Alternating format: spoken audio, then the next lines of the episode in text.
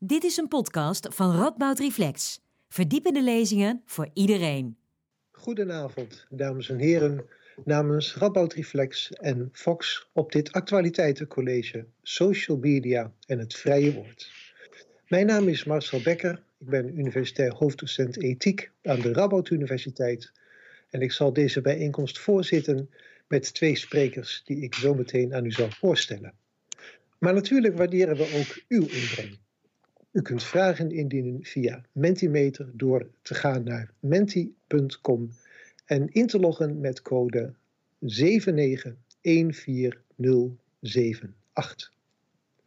Laten we beginnen met de huiskamervraag. Wat is de overeenkomst tussen de Nijmeegse filosofiehoogleraar René ten Bos en voormalig Amerikaanse president Donald Trump? Ze zijn allebei de dupe geworden van internetcensuur. Nou laat ik het verder aan u, bij welk van de twee u dat het meest betreurt. Maar het is duidelijk dat er heel wat op het spel staat. Dat de grote techbedrijven veel macht hebben, dat wisten we al. Maar nou kunnen ze ook de publieke discussie beïnvloeden. En hoe zit het dan met ons recht op de vrijheid van meningsuiting? Grote ethische en juridische vragen.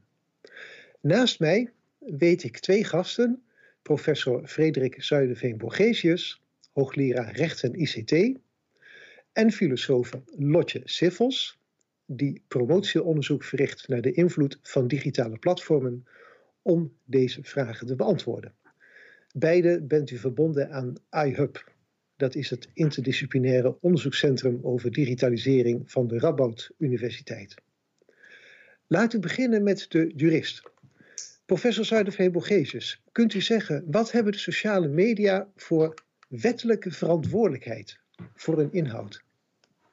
Dat is inderdaad uh, meteen een grote vraag, Marcel. En uh, goedenavond iedereen, trouwens. Um, ik ga het uh, grof samenvatten.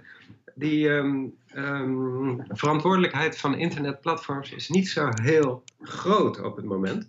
En dat komt doordat de Europese Unie 21 jaar geleden al een soort wet heeft aangenomen, de zogeheten e-commerce richtlijn. Uh, dus dat was aan het begin van het, um, even kijken, het internet was toch niet, nog niet zo invloedrijk als nu. En die wet zegt, kort gezegd, um, bedrijven die host zijn, die inhoud opslaan voor anderen, die zijn in beginsel niet aansprakelijk voor die inhoud. En de Europese Unie dacht in die tijd aan uh, klassieke webhostingbedrijven die een uh, website voor iemand in de lucht houden. En het idee was, het zou slecht zijn voor um, uh, het commerciële internet en het zou slecht zijn voor vrijheid van meningsuiting als zulke hostingbedrijven aansprakelijk zouden zijn voor wat, er, voor wat ze opslaan. Want dan, um, nou, dan zou, de, dan zou bijna geen enkel bedrijf meer zo'n host durven te beginnen. Toen leek dat heel verstandig. Dat was het eigenlijk ook wel, waarschijnlijk. Um, en eigenlijk alle wetenschappers vonden dat ook een verstandige regel. Um, er zit trouwens een nuance bij, namelijk als je zo'n host waarschuwt van hé, hey, er staat iets uh, duidelijk illegaals op je, um, uh, dat sla je op, dan moet zo'n host het snel weghalen. Um, dat leek allemaal heel verstandig, maar niemand had voorzien dat bedrijven zoals YouTube en Facebook en Twitter, dat die zich uh, dat soort bedrijven zouden gaan ontwikkelen en dat die zich ook op diezelfde uitzondering zouden gaan beroepen, met succes, want ze slaan bijvoorbeeld filmpjes of boodschappen op van anderen. Um, en uiteindelijk werd, bleek dat niet een categorie bedrijven te zijn um, die, je moest, uh, die je zozeer moest beschermen tegen de grote boze buiten uh, zakenwereld. Maar het bleken bedrijven te zijn die um, uh, de machtigste bedrijven ter wereld werden. Samenvattend, op het moment hebben dat soort internetbedrijven niet zo heel veel verantwoordelijkheid, want ze hoeven pas in actie te komen als ze gewaarschuwd worden dat er iets illegaals gebeurt. Ja, dat klinkt uh, zoals u zegt dat dat toen heel verstandig was. Uh, nu lijkt dat steeds minder verstandig te zijn, want de techwereld is ontzettend veranderd. Dus is dan de vraag: zouden ze niet weer wettelijke verantwoordelijkheden moeten krijgen? En vindt de EU dat ook niet? Uh, ja, heel veel mensen, behalve lobbyisten van die techbedrijven, vermoedelijk vinden dat die uh, bedrijven meer verantwoordelijkheid moeten krijgen. Ehm, rechters die beginnen ook al een beetje die um, uitzondering in te perken. Maar toch moeten we ook oppassen om die bedrijven te veel verantwoordelijkheid in hun schoenen te schuiven. Want stel dat je bijvoorbeeld zegt, zo gauw er iets gemeens wordt gezegd op je platform, dan uh, krijg je een enorme boete. Als je zoiets zou zeggen, op een gegeven moment is er kans dat social media bedrijven zeggen, weet je wat, we gaan gewoon uh, alle politieke discussie op ons platform verbieden. Uh, iedereen mag gewoon alleen nog maar kattenfilmpjes delen. En dat zou per saldo waarschijnlijk slechter zijn voor onze democratie. Ja, maar wordt er wel gewerkt in de Europese Unie om tot juridische bijstelling te komen, of wordt dat niet eens overwogen? Ja, inderdaad. De Europese Unie heeft een, de commissie heeft in december een uh, voorstel gepubliceerd, de Digital Services Act. Een hele dappere poging om uh, dat opnieuw te reguleren. Um, maar goed, de, uh, is nog lang niet definitief, want het Europees Parlement moet er nog wat van zeggen en zo. Maar daarin wordt er inderdaad meer verantwoordelijkheid gegeven aan internetbedrijven. En wat ook vernieuwend is en verstandig, is dat er verschillende categorieën internetbedrijven worden ingedeeld. En uh, voor bepaalde hele grote platforms zijn er meer verantwoordelijkheden dan voor kleinere platforms bijvoorbeeld. Oké, okay, daar zal dan ook vast ethisch en filosofisch over gediscussieerd worden binnen de Europese Unie. En dan wordt het tijd om naar de filosoof te gaan. Mevrouw Siffels, u doet onderzoek naar digitale platformen, naar de macht van digitale platformen. Hoe analyseert u deze ontwikkelingen? Ja, um, ik, uh, ik doe inderdaad onderzoek naar platformen, met name eigenlijk binnen de gezondheidszorg. En ik denk dat er een paar interessante parallellen zijn eigenlijk tussen deze ontwikkelingen en wat je ziet in het domein van de gezondheidszorg. Uh, ik denk dat een van de dingen die interessant is, is dat platformen zich het liefst neutraal uh, opstellen in dit soort discussies. Dus zij willen eigenlijk dat zij alleen maar een, uh, worden gezien als een leverancier van de infrastructuur, waarop in dit geval een wetenschappelijke of politieke discussie gevoerd kan worden. Um, en dus dat ze eigenlijk niet echt gezien worden als een bedrijf dat ook een publieke functie, uh, eigenlijk een publieke functie heeft. En daarbij inderdaad de verantwoordelijkheden krijgt van een, uh, van een bedrijf wat een publieke functie heeft. Dus die verantwoordelijkheden waar Frederik het al over heeft, uh, daar dan kun je natuurlijk filosofisch-ethisch nadenken. Um, waarom heeft een bedrijf bepaalde verantwoordelijkheden? Nou, misschien omdat het een functie overneemt die uh, veel meer is dan alleen maar het zogenaamd neutraal aanbieden van een infrastructuur voor discussie. Uh, en die verantwoordelijkheden herkennen we bijvoorbeeld wel bij uh, andere mediabedrijven. Um, maar dus deze platforms willen zichzelf niet opstellen als mediabedrijf. Ze willen zich het liefst opstellen als ja. een neutrale bieder van de infrastructuur. En, ja, uh, en waarom ze dat willen is natuurlijk omdat het ook moeilijk te combineren is met uh, een, ja, hun commerciële functie die ze ook hebben. Het zijn bedrijven ja. die geld moeten verdienen. Ja, nu kunt u wel zeggen en kunnen zij wel zeggen dat ze zich graag neutraal willen opstellen. Maar op het moment dat ze Zwarte Piet bannen, op het moment dat René ten Bos en Donald Trump uh, al of niet tijdelijk uh, verband worden, dan nemen ze toch ja, dan zijn ze niet neutraal meer. Dan, dan interfereren ze toch in de publieke discussie. En dan moeten ze toch schoorvoetend, ook al willen ze het liever, liever misschien niet toegeven, dat ze een stem vertegenwoordigen. Dus die neutraliteit is toch niet meer te houden?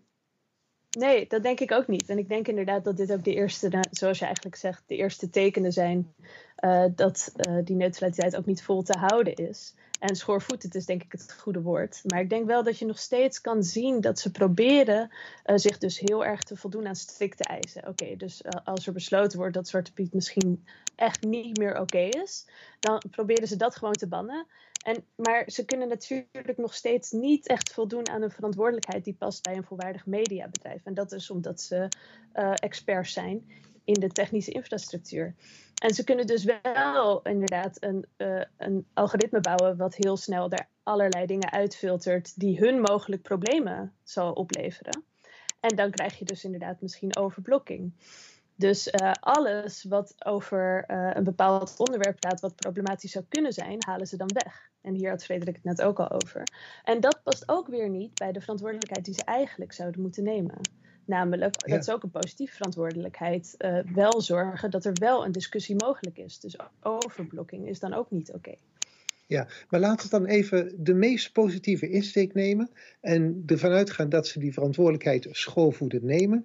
Ziet u beide, en dan geef ik eerst het woord aan de jurist en daarna aan de filosofen, ziet u beide ook een reële mogelijkheid dat ze die verantwoordelijkheid op een goede manier nemen en dat ze dan ook echt een, een goede functie in het publieke debat uh, vervullen? Of zal dat aanmodderen blijven? Meneer Zuiderveen um, nou, het blijft altijd moeilijk, maar ik denk dat als ze genoeg aan worden gespoord door uh, wetgevers en met de dreiging van serieuze sancties, dat we, uh, uh, dat we wel kunnen zorgen dat die bedrijven hun verantwoordelijkheid gaan nemen. Ik denk niet dat ze dat spontaan doen. Ik denk ook niet dat bedrijven op, genoeg op een gifuitstoot zouden letten zonder milieurecht bijvoorbeeld. Maar goed, ik heb goede hoop dat met goede wetten dat we die bedrijven in de goede richting kunnen duwen. Zeker. Ja, en mevrouw Siffels, uh, publieke druk, uh, helpt dat? Uh, ik denk zeker dat publieke druk helpt. Het heeft eigenlijk ook al bewerkstelligd waar we nu zijn. Dus dat ze inderdaad een beetje uit die neutraliteit worden gedreven. Maar ik ben misschien wel nog iets pessimistischer. Ik denk wel dat er um, in de essentie van zo'n commercieel bedrijf misschien alleen wetgeving uh, niet genoeg is. Um, en dat is echt, denk ik, uh, moet je dus kijken naar de functie die zo'n bedrijf vertegenwoordigt. En het, wat ik grappig vind, is dat bijvoorbeeld in de gezondheidszorg, waar ik vaak naar kijk, herkennen we dit al heel snel. Nou, als ik vertel over wat voor rol Google begint te spelen in de gezondheidszorg, hebben mensen intuïtief best een heftige reactie daarop. Van, oh, maar wat gaat dat grote big tech commerciële bedrijf nu ook in de gezondheidszorg zo'n monopolie vormen? En eigenlijk zijn we bij zoiets als media daar veel minder kritisch over. En daar verbaas ik me in deze discussie soms over. Dat ik denk, het is echt een hele publieke democratische functie, waarvan je ook zou kunnen zeggen. Uh, er moet echt een heel ander mechanisme en een hele andere structuur komen waarbinnen deze discussie gevormd wordt. En dan betekent dat wij meer inspraak moeten hebben in deze bedrijven, of dat misschien een publiek bedrijf deze publieke functie gaat overnemen. Ja, maar krijgen we dan toch niet iets ongemakkelijks dat Facebook bijvoorbeeld heeft een design om met elkaar allemaal ditjes en datjes van het dagelijks leven te leiden.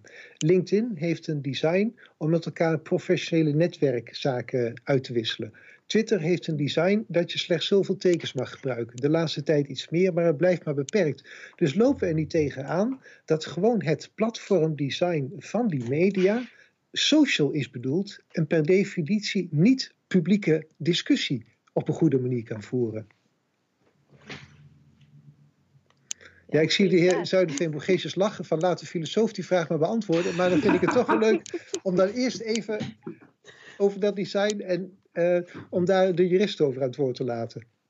Ja, die, mijn strategie werkte niet. Ik dacht inderdaad, ik ga hem doorpassen aan de filosoof. Um, nou, uh, die platforms die geven, die drie social media bedrijven die je nu noemde, uh, die hebben ook heel veel positiefs uh, voor vrijheid van meningsuiting gebracht. En namelijk, het is veel makkelijker om een Facebook profiel aan te houden en daarvan alles te zeggen, dan zelf een blog in de lucht brengen. Dus um, het, heeft, het heeft wel heel veel goed gebracht ook. En in beginsel is, um, is een platform wat het makkelijk maakt om je mening te uiten, is goed voor de vrijheid van meningsuiting.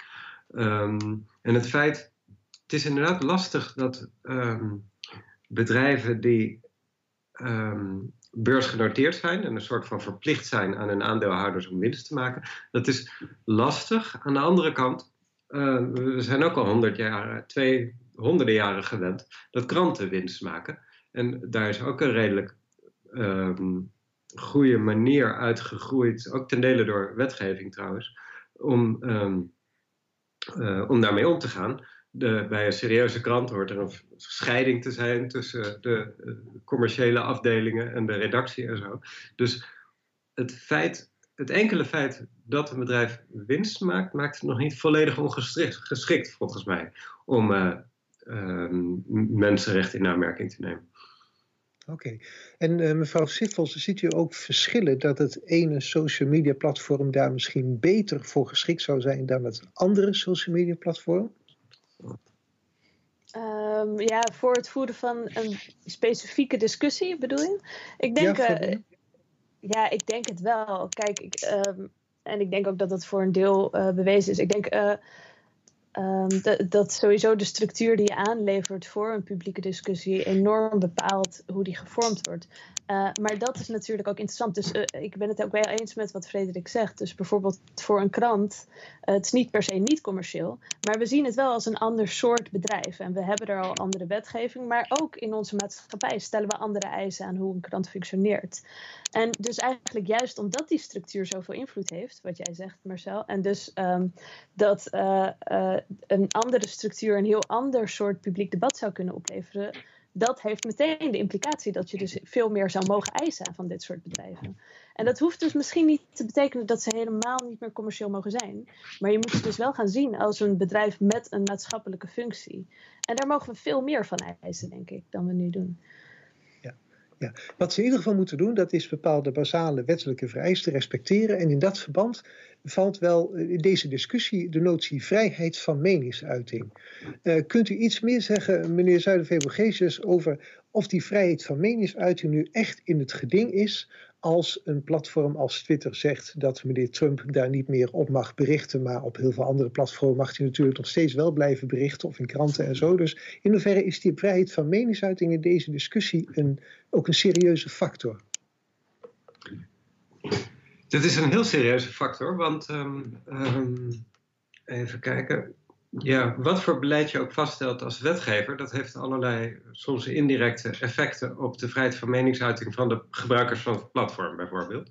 Um, en wat het trouwens nog je vraag nog ingewikkelder maakt en je zelf misschien vermoedt, is dat we in Europa heel anders denken over vrijheid van meningsuiting dan in de Verenigde Staten. In de Verenigde Staten is vrijheid van meningsuiting bijna absoluut. Als je bijvoorbeeld privacy en vrijheid van meningsuiting tegen elkaar afweegt, dan wint vrijheid van meningsuiting uiting eigenlijk altijd in de Verenigde Staten. En in Europa vinden we die twee belangen uh, even belangrijk en moeten we per geval kijken uh, wat er in dat specifieke geval voorgaat. Dat over het verschil. Maar er is nog een verschil, namelijk dat um, in Europa vinden we dat uh, mensenrechten zoals vrijheid van meningsuiting en privacy, dat die ook enige eisen indirect stellen aan bedrijven. En uh, in de Verenigde Staten vinden ze dat de vrijheid van meningsuiting je alleen beschermt tegen de staat.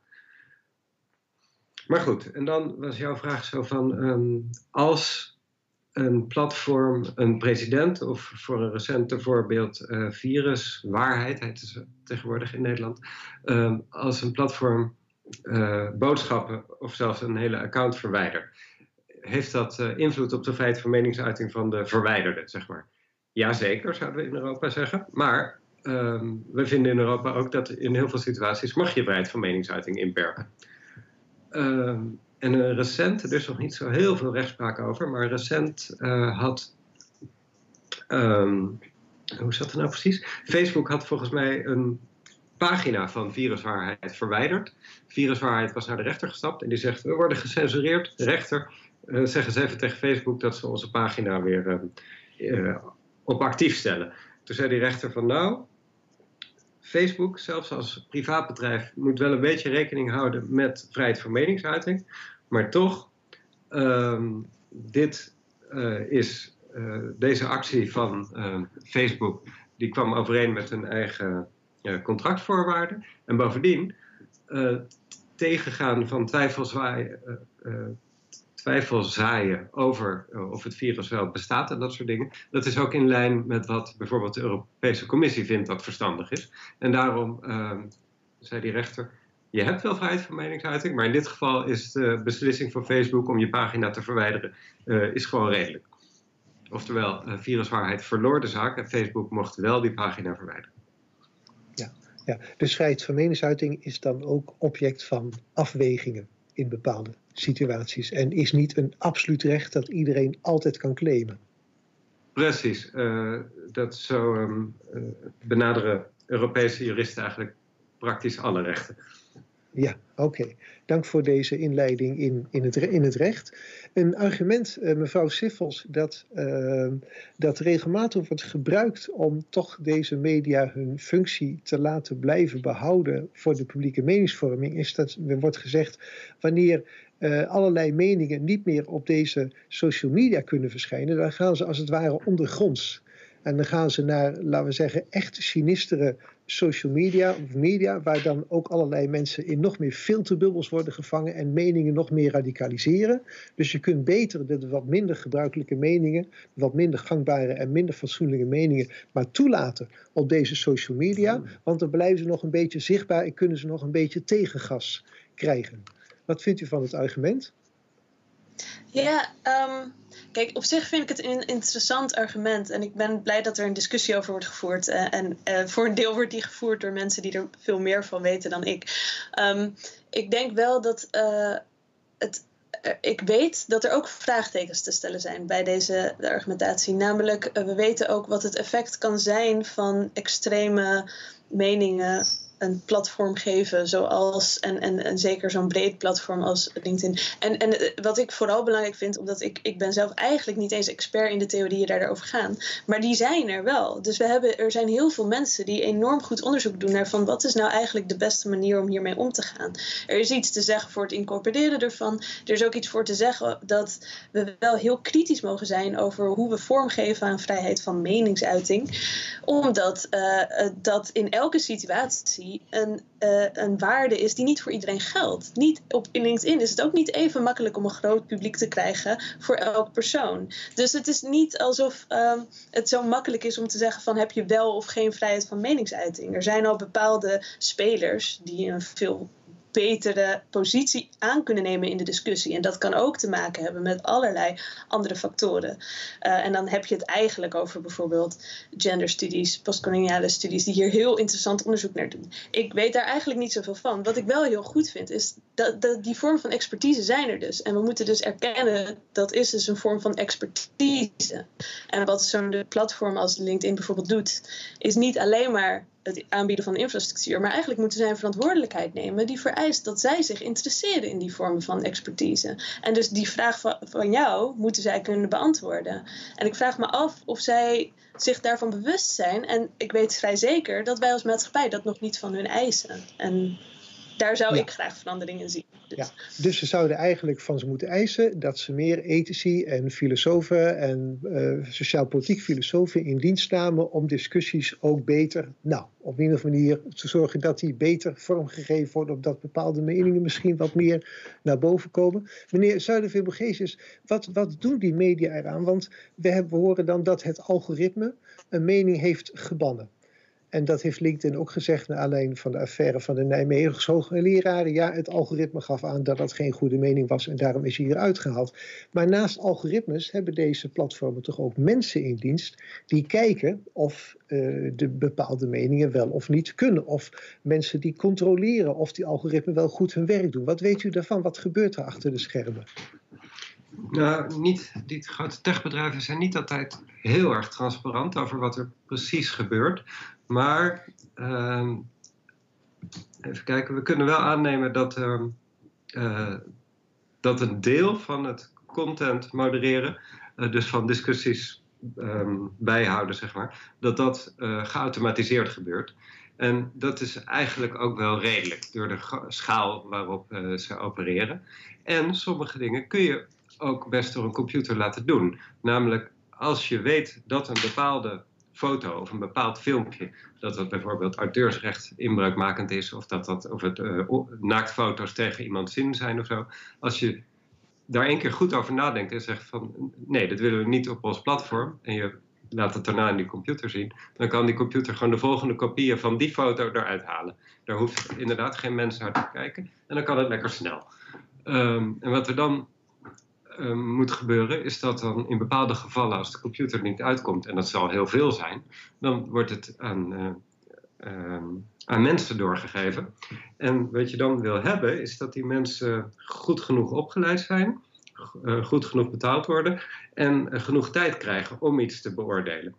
Ehm, en inderdaad, LinkedIn die had een heel eh, beschaafd ehm, artikel weggehaald en, vermoedelijk heeft of het mens of inderdaad de computer bij LinkedIn gedacht van... Um, oh, want het was een artikel, dat, dat kwam er ongeveer op neer van... Uh, we, moeten beter afwegen of alle... Nee, het was van een man die dat, die dat, zegt, die dat vaak zegt. Meneer Helsluit, die zegt vaak... we moeten beter nadenken of die lockdown en zo... of dat, uh, of dat allemaal niet disproportioneel is. Ehm, en hij verwees naar een stuk over hypes met een opmerking in de trant van ehm, eh, is corona een hype of niet, lees dit stuk. En dat was ook een heel beschaafd stuk. Eh, LinkedIn had het weggehaald. Het was me niet duidelijk of dat geautomatiseerd was gebeurd of door een mens. Maar in ieder geval, eh, als het een mens was, heeft hij kennelijk niet genoeg zich erin verdiept. Niet verder gelezen, gewoon gedacht van, oh, enige twijfel over anti-corona-maatregelen, meteen weg. En dat is te grof, dus ehm, eh, daar zijn ze te haastig geweest. En ik geef ook wel toe, die techbedrijven zitten in een moeilijke positie. Dus ook in een ideale wereld zullen ze af en toe fouten maken. Maar er zijn zoveel voorbeelden nu van uh, te veel en te weinig blokkeren, dat er uh, alles duidt erop dat veel techbedrijven gewoon te weinig mensen hebben ingehuurd die niet genoeg, uh, goed genoeg opgeleid zijn en die te haastig informatie moeten beoordelen. Terwijl ze geld als water verdienen. Dus wat dat betreft hebben ze toch geen gebrek aan middelen om goede mensen aan te stellen, zou je zeggen? Nee, precies. En er is ook al een voorbeeld uit de praktijk waaruit blijkt dat het kan. In, inmiddels al, jeetje, dat gaat snel. Zeven jaar geleden had het, uh, het Hof van de Europese Unie gezegd: mensen hebben een soort recht op vergetelheid um, tegenover zoekmachines. Namelijk, uh, als er op jouw naam wordt gezocht en uh, op nummer, bijvoorbeeld in de eerste paar resultaten staan er hele oude en irrelevante informatie over jou. Um, dan kun je in bepaalde omstandigheden eisen dat een zoekmachine niet meer naar die websites verwijst als iemand op jouw naam zoekt. En Google stribbelde eerst heel erg tegen, verloor de rechtszaak en heeft toen een, een groot team juristen gehuurd. Ik heb wel eens, dat was ook alweer vijf jaar geleden, had ze het over 150 juristen. Um, en voor zover het te beoordelen is, lijkt het heel aardig te werken.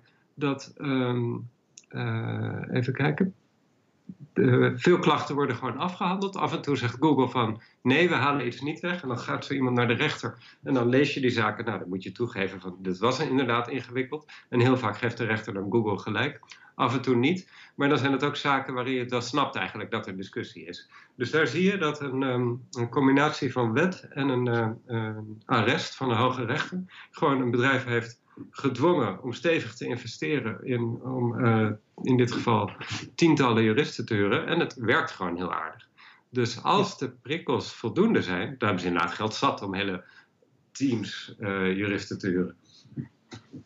Ja, ik uh, kijk ondertussen naar Mentimeter waar ik zie dat er vragen binnenkomen. Uh, gaat u die vooral stellen? Ik noem nog een keertje de code 48. Uh, sorry, de code nog even één keer de juiste code 7914078.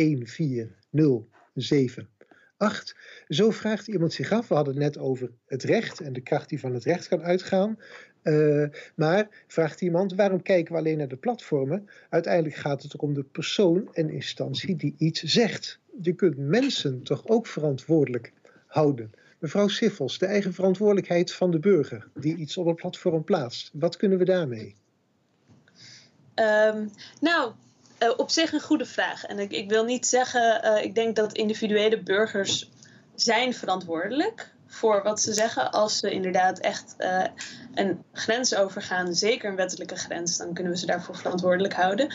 Maar ik denk wel dat in deze discussies, als we het hebben over platformen, de individuele verantwoordelijkheid vaak ja, wordt gebruikt als bijna een soort bliksemafleider. Dus uh, we kunnen het wel hebben over de verantwoordelijkheid van individuen, maar we weten dat de structuur die een platform biedt en de rol die een platform speelt enorme invloed heeft op hoe een debat wordt gevoerd.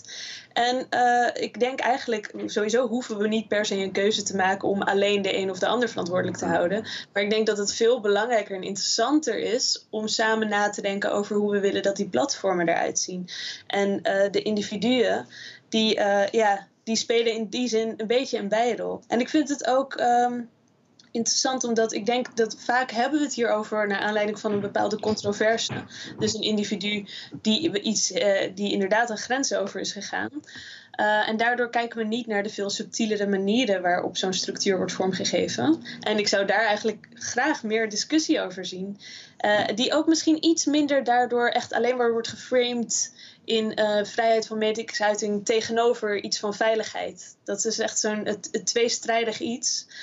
uh, bedacht ik me net. En terwijl eigenlijk er, er speelt natuurlijk veel meer. Er spelen veel meer waarden in, in, over hoe we een democratisch debat willen voeren. Um, en uh, ja, daar kunnen we het ook over hebben. En ik denk dat dat ook iets makkelijker wordt als we niet alleen maar naar de individuen kijken, maar meer hoe reageren wij als maatschappij op zo'n platform? Wat gebeurt er en wat zouden we beter willen zien? Ja, en wat bedoelt u dan concreet met die structuur van die platformen waar het aan zou kunnen veranderen? Nou, bijvoorbeeld uh, waar we het net al over hadden, is inderdaad van hoe ziet zo'n platform eruit. Dus er is heel veel interessant onderzoek gedaan over hoe de architectuur van zo'n platform enorme invloed heeft op hoe mensen daarop reageren.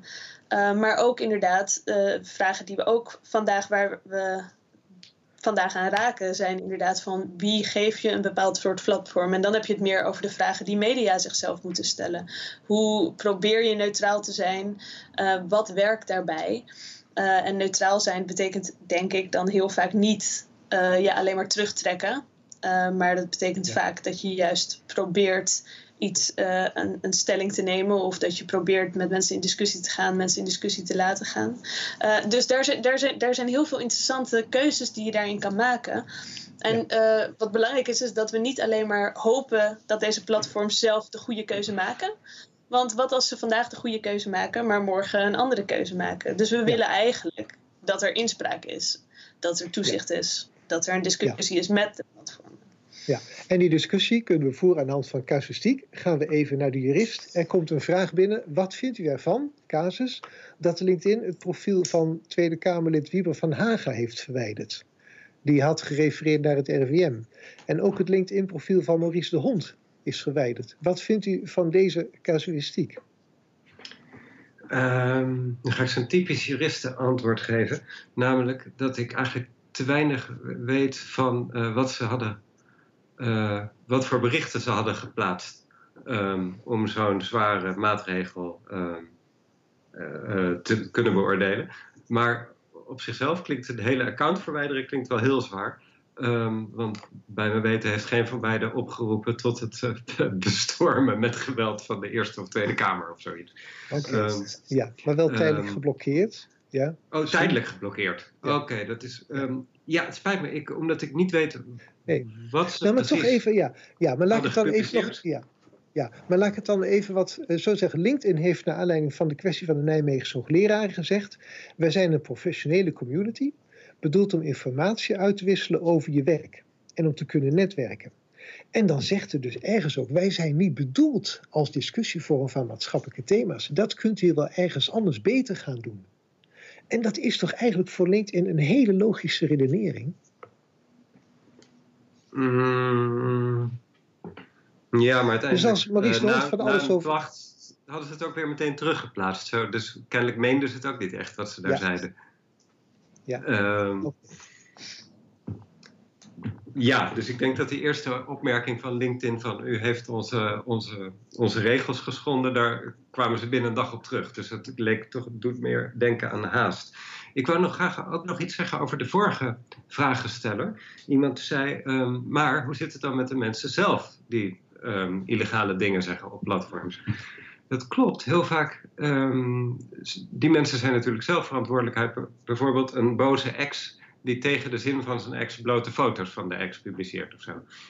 Uiteraard is die boze ex daarvoor verantwoordelijk voor. En als je naar de rechter zou gaan, zou je die zaak ook winnen. Maar dat helpt het slachtoffer op dat moment niet.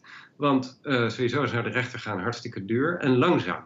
Dus daarom zitten we, uh, anders dan twintig jaar geleden, zitten we nu opeens met die platforms. En wil je in dat soort situaties wil je ook snellere manieren van handelen hebben. Dus daarom uh, moeten er eigenlijk mogelijkheden zijn dat je snel tegen een platform zegt: kijk, hier is iets ergs aan de hand, haal het weg.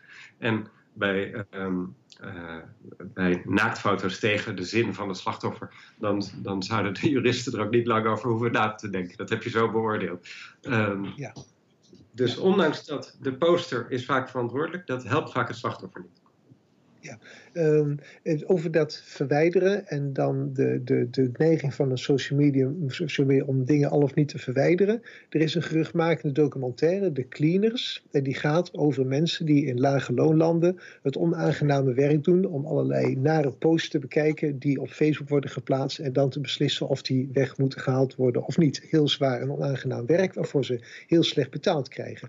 En vragen stellen wijst erop dat die mensen een heel zwaar leven hebben, kun je social media wettelijk of maatschappelijk dwingen om dat te veranderen. Niet alleen om die mensen beter te betalen, maar ook om bijvoorbeeld in Nederland daar meer mensen voor aan te stellen en mensen die dan ook een betere opleiding hebben. Is dat wettelijk en maatschappelijk af te dwingen? Ik begin bij de jurist. Is dat wettelijk af te dwingen? Uh, ja, ik ben niet zo heel goed in arbeidsrecht. Maar um, volgens mij, um, uh, nou sowieso, je ziet het al aan het feit dat die bedrijven uitwijken naar lage lonenlanden. Uh, is dat ze het hier kennelijk te, duur vinden. Ze vinden hier het minimumloon ja. te hoog. Hier zouden we kortere werkdagen um, eisen. En,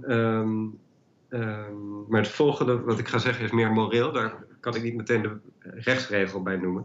Maar je wil natuurlijk eigenlijk ook dat ze, als ze mensen dat al laten doen, dat werk. Want sommige mensen moeten dat werk doen. Uh, dat je dan niet te veel uur achter elkaar uh, moet doen en ja. zo. Uh, maar daar kan ik niet direct een rechtsregel bij noemen die dat zo specifiek ja. eist. Ja, maar ook dat Facebook meer van dat zou soort mensen zou moeten aannemen die ook meer dit soort werk doen. Nou ja, als je Zodat... meer eisen stelt van je moet beredeneerde beslissingen nemen over wat je wel laat staan en niet laat staan. En anders bent uw platform daar verantwoordelijk voor. Uh, net zoals wat met dat um, Right to be Forgotten arrest is gebeurd richting Google. Dan uh, met de goede prikkels laat je ze wel genoeg mensen huren. Ja, ja. en zou het dan ook denkbaar zijn dat het Nederlandse discussieklimaat is iets anders dan het Italiaanse discussieklimaat? Dat in Nederland er anders gemodereerd wordt dan in Italië. Dat je dus per land ook een differentiatie krijgt hoe Facebook-berichten verschijnen en welke Facebook-berichten verschijnen? Oh, dat, lijkt me evident dat het nodig is. Uh, dat er, want in verschillende landen uh, spelen gewoon heel andere eisen. Dus je moet er niet aan denken bijvoorbeeld dat er over tien jaar een, um, een Chinese of het is prima dat er een Chinees bedrijf heel populair zou worden hier, maar die kan niet opeens de Chinese eisen omtrent vrijheid van meningsuiting uh, op de Nederlandse gebruikers gaan afwentelen. Ja. Net zoals ja. um, al gebruiken wij Amerikaanse uh, diensten, die moeten toch accepteren dat we in Europa vinden dat je de vrijheid van meningsuiting eerder kan inperken dan in de Verenigde Staten. Dus het lijkt me evident dat het uh, ja. beleid aangepast moet worden aan de culturele en wettelijke normen van een land. Ja, daarover gaat ook de volgende vraag aan mevrouw Siffels. Uh, als de vrijheid van meningsuiting nou een basiswaarde is binnen onze democratie, welke waarden moeten dan op die vrijheid van meningsuiting kunnen daarop inbreken? Puur oproepen tot geweld, als op straat, of welke andere waarden? Um, ja, ik zou zeggen, en uh, hoe, hoe, de afweging plaatsvindt, is weer een andere vraag. Um, maar ik denk dat er nog wel meer uh, waarden dus zijn dan alleen bijvoorbeeld uh, fysieke veiligheid, wat de waarde zou zijn die je bij geweld. dus bijvoorbeeld bij de bestorming van het kapitool ging het natuurlijk niet alleen maar om de fysieke veiligheid van de mensen, maar het ging ook omdat het een inbreuk was op de democratie. Uh, en dat is de democratische waarden zijn zeker waarden. Vrijheid van meningsuiting is daar een van. Maar uh, er zijn er nog meer, bijvoorbeeld inderdaad. We, we, moeten het hebben over transparantie, over gelijkheid, over het recht van minderheden. dat zijn denk ik allemaal waarden die je toch ook in afweging moet nemen als je het gaat hebben over onderwerpen zoals vrijheid van meningsuiting. Um, ja, ik zit te denken of er nog meer. Ik bedoel, ik denk, ik denk dat je er nog wel meer kan noemen. Ik, die democratische waarden vind ik het belangrijkste, omdat die spelen natuurlijk, waar we het nu over hebben, in het publieke debat zoals we het hebben. En, en dat is een fundament van onze democratie. Ja, meneer uh, Zuiderveen-Begeesjes, het recht op waarheid. Is dat ook niet juridisch op een of andere manier te verankeren? Vraagt iemand. Uh, dat lijkt me problematisch, omdat mensen er nog wel eens uh, over van mening kunnen verschillen. En het idee is, in ieder geval de theorie is, dat vrijheid van meningsuiting met veel openbare discussie, dat dat juist helpt om de waarheid boven tafel te krijgen. Maar heel veel dingen kunnen niet door de beugel. Ook onder huidige vrijheid van meningsuiting praktijk bij Mensenrechtenhoven bijvoorbeeld. Gewoon ten onrechte zeggen, ten onrechte een stuk schrijven van ehm, Pietje is corrupt, want die heeft een miljoen euro aangenomen van, weet ik veel, van, um, van de treinenlobby of zo. Als dat helemaal niet waar is, dan, ehm, eh, dan zou Pietje daarna een rechtszaak winnen van de krant moet dat weghalen en excuses aanbieden. Um, en even kijken, bijvoorbeeld in, het, ehm, in de context van uh, producten aanprijzen en daarvoor adverteren, uh, mag je niet liegen. Je mag niet zeggen, deze, uh, dit product helpt tegen allerlei ziektes, als dat niet waar is en zo. Dus impliciet, hier en daar, zit er wel een soort, um, of zie je wel dat het recht waarde hecht aan waarheid. Ja, ja. Een ander soort, ja, bijna gedachte-experiment, maar toch wel leuk om u beide voor te leggen, is uh, zou je het niet moeten verbieden om anoniem een mening te uiten? Oh, nee. Ik zie de jurist gelijk denken, ja, maar zo iemand kun je niet vervolgen, want je weet niet wie het is, als hij het anoniem heeft gedaan. Maar goed, even afgezien van, die praktische, van het praktische probleem. Uh, gewoon mensen verbieden om anoniem meningen te uiten op social media. Zou dat de discussie verder helpen? Ik wil wel graag reageren. Ja, ja, ik mag zeker reageren. Eerst even mevrouw Siffels. Ja. Oh, oh sorry. Um, ja, ik zag. Uh, uh, ik ging er zo vanuit dat Frederik dit meteen op zou pakken. Dat ik. um, dus de vraag is of. Um, uh, sorry, kun je de vraag nog even kort stellen? Want ik was een beetje. Zou het, verboden, zou het niet verboden moeten worden om anoniem een mening ja. te uiten? Je dat moet verbieden. Ik denk dat dat, uh, dat lijkt mij eigenlijk helemaal geen goed idee. Ik denk, uh, ik, ja, ik, ik heb een. Uh, ik ben ook geïnteresseerd in privacy. Ik doe onderzoek naar platforms en ik heb veel onderzoek ook gedaan naar privacy. En ik denk dat als je privacy ziet als een complex iets, wat ook ruimte biedt en uh, mensen uh, de ruimte geeft om na te denken, om discussies te voeren. En ik zie privacy op die manier. Dan is anonimiteit ook een, iets wat eigenlijk enorm privacyvriendelijk kan zijn. En dat, dat klinkt vanzelfsprekend, maar dat is nu vaak niet hoe we het zien. En ik denk dat het een heel belangrijk onderdeel kan zijn ook van een maatschappelijke discussie en ook van een sociale manier van een discussie voeren. Uh, en dus een, een ja, sociale vorm van privacy kan geven die helpt. En ik bedoel, het heeft denk ik ook heel veel nare aspecten. Maar verbieden lijkt me eigenlijk geen goede optie. En ik denk ook dat er genoeg voorbeelden zijn van uh, anonieme discussies uh, die enorm goed verlopen of die heel veel goeds bewerkstelligen.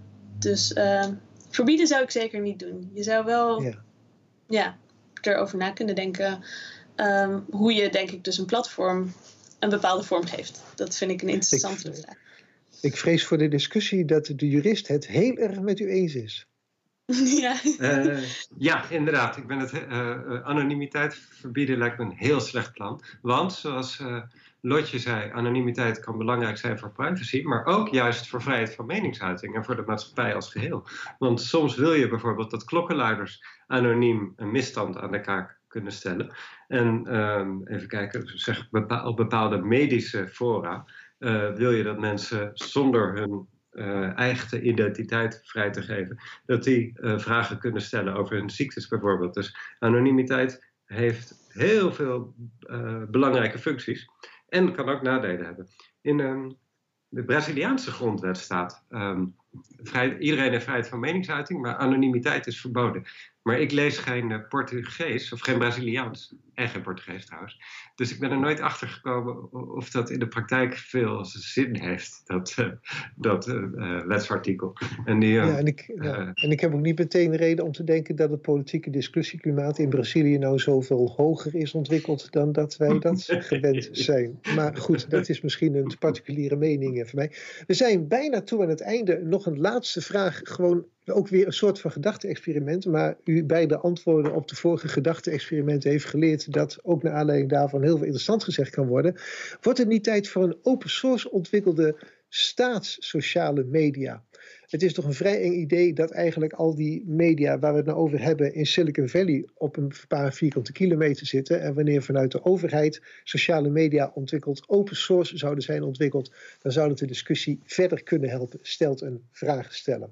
Wat vindt u daarvan? Ik geef eerst het woord aan de jurist en dan is het laatste woord aan de filosoof.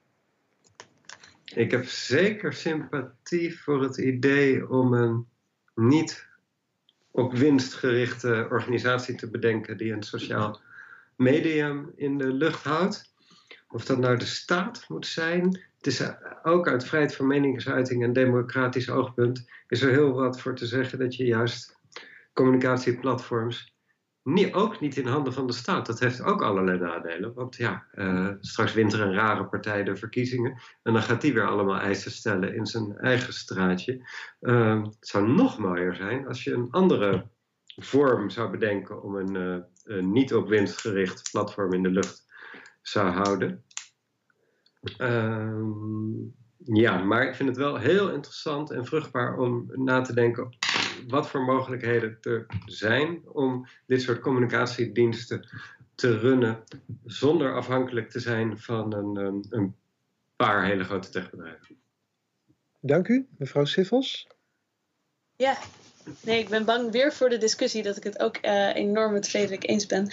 Um, maar ik, uh, ik, ik kan er wel iets aan toevoegen. Ik, ik vind het ook nog een enorm goed idee, omdat uh, deze platform niet alleen problematisch kunnen zijn omdat ze een commercieel bedrijf zijn, maar ook omdat zij inderdaad enorme machtsposities ontwikkelen, omdat ze zich zo breed ontwikkelen, omdat ze heel veel data verzamelen en daarmee weer heel veel technieken kunnen uh, ontwikkelen waar zij weer eigenaar van zijn. En uh, ik zou het ontzettend interessant vinden als dit soort initiatieven zouden komen van ofwel de overheid, of misschien zijn er inderdaad nog andere vormen waarin je uh, zoiets kan ontwikkelen. Ook omdat dat die machtspositie denk ik nog makkelijker zou kunnen doorbreken dan het opsplitsen van deze bedrijven zelf. En daar ben ik best wel in geïnteresseerd. Dus ga dat vooral okay. doen, vragen stellen. Ja, ja. dank u beide. We zijn begonnen vanavond met de wat azelende constatering dat ze een verantwoordelijkheid schoorvoeten moeten accepteren, maar dat ze daar echt niet zo geschikt voor zijn. Maar in de loop van het gesprek kwamen we steeds weer erop uit dat in het recht er bewegingen zijn om ze geschikter te maken. Dat er vanuit het idee van wat is publieke discussie er ook een aandring is om ze bepaald niet geschikter te maken. En dat ze zelf intern ook bepaalde ontwikkelingen doormaken. En wie weet worden ze over een tijd wel opgesplitst, zoals waarmee u net uh, eindigde. Dank u beiden voor deze inzicht. We, zouden, we kunnen nu even uit de huiskamer applaudisseren voor u. En terwijl u applaudisseert thuis, kan ik u aankondigen dat om maandag 8 februari wij als Radboud Reflex weer een bijeenkomst hebben. Ongelijkheid op de thuiswerkvloer. Actueler kan het toch bijna niet in coronatijd. Dat is ook een actualiteitencollege met socioloog Katia Begal. Vond u dit een fijne avond? Waardeert u wat, wat Radboud Reflex doet? Dan wil ik uh, u aanbevelen dat u dat op andere manieren kunt uitdrukken dan een like of een follow. U kunt ook een donatie doen via de donatieknop op onze site. Dank voor het kijken, een fijne avond en graag tot een volgende keer. Tot ziens.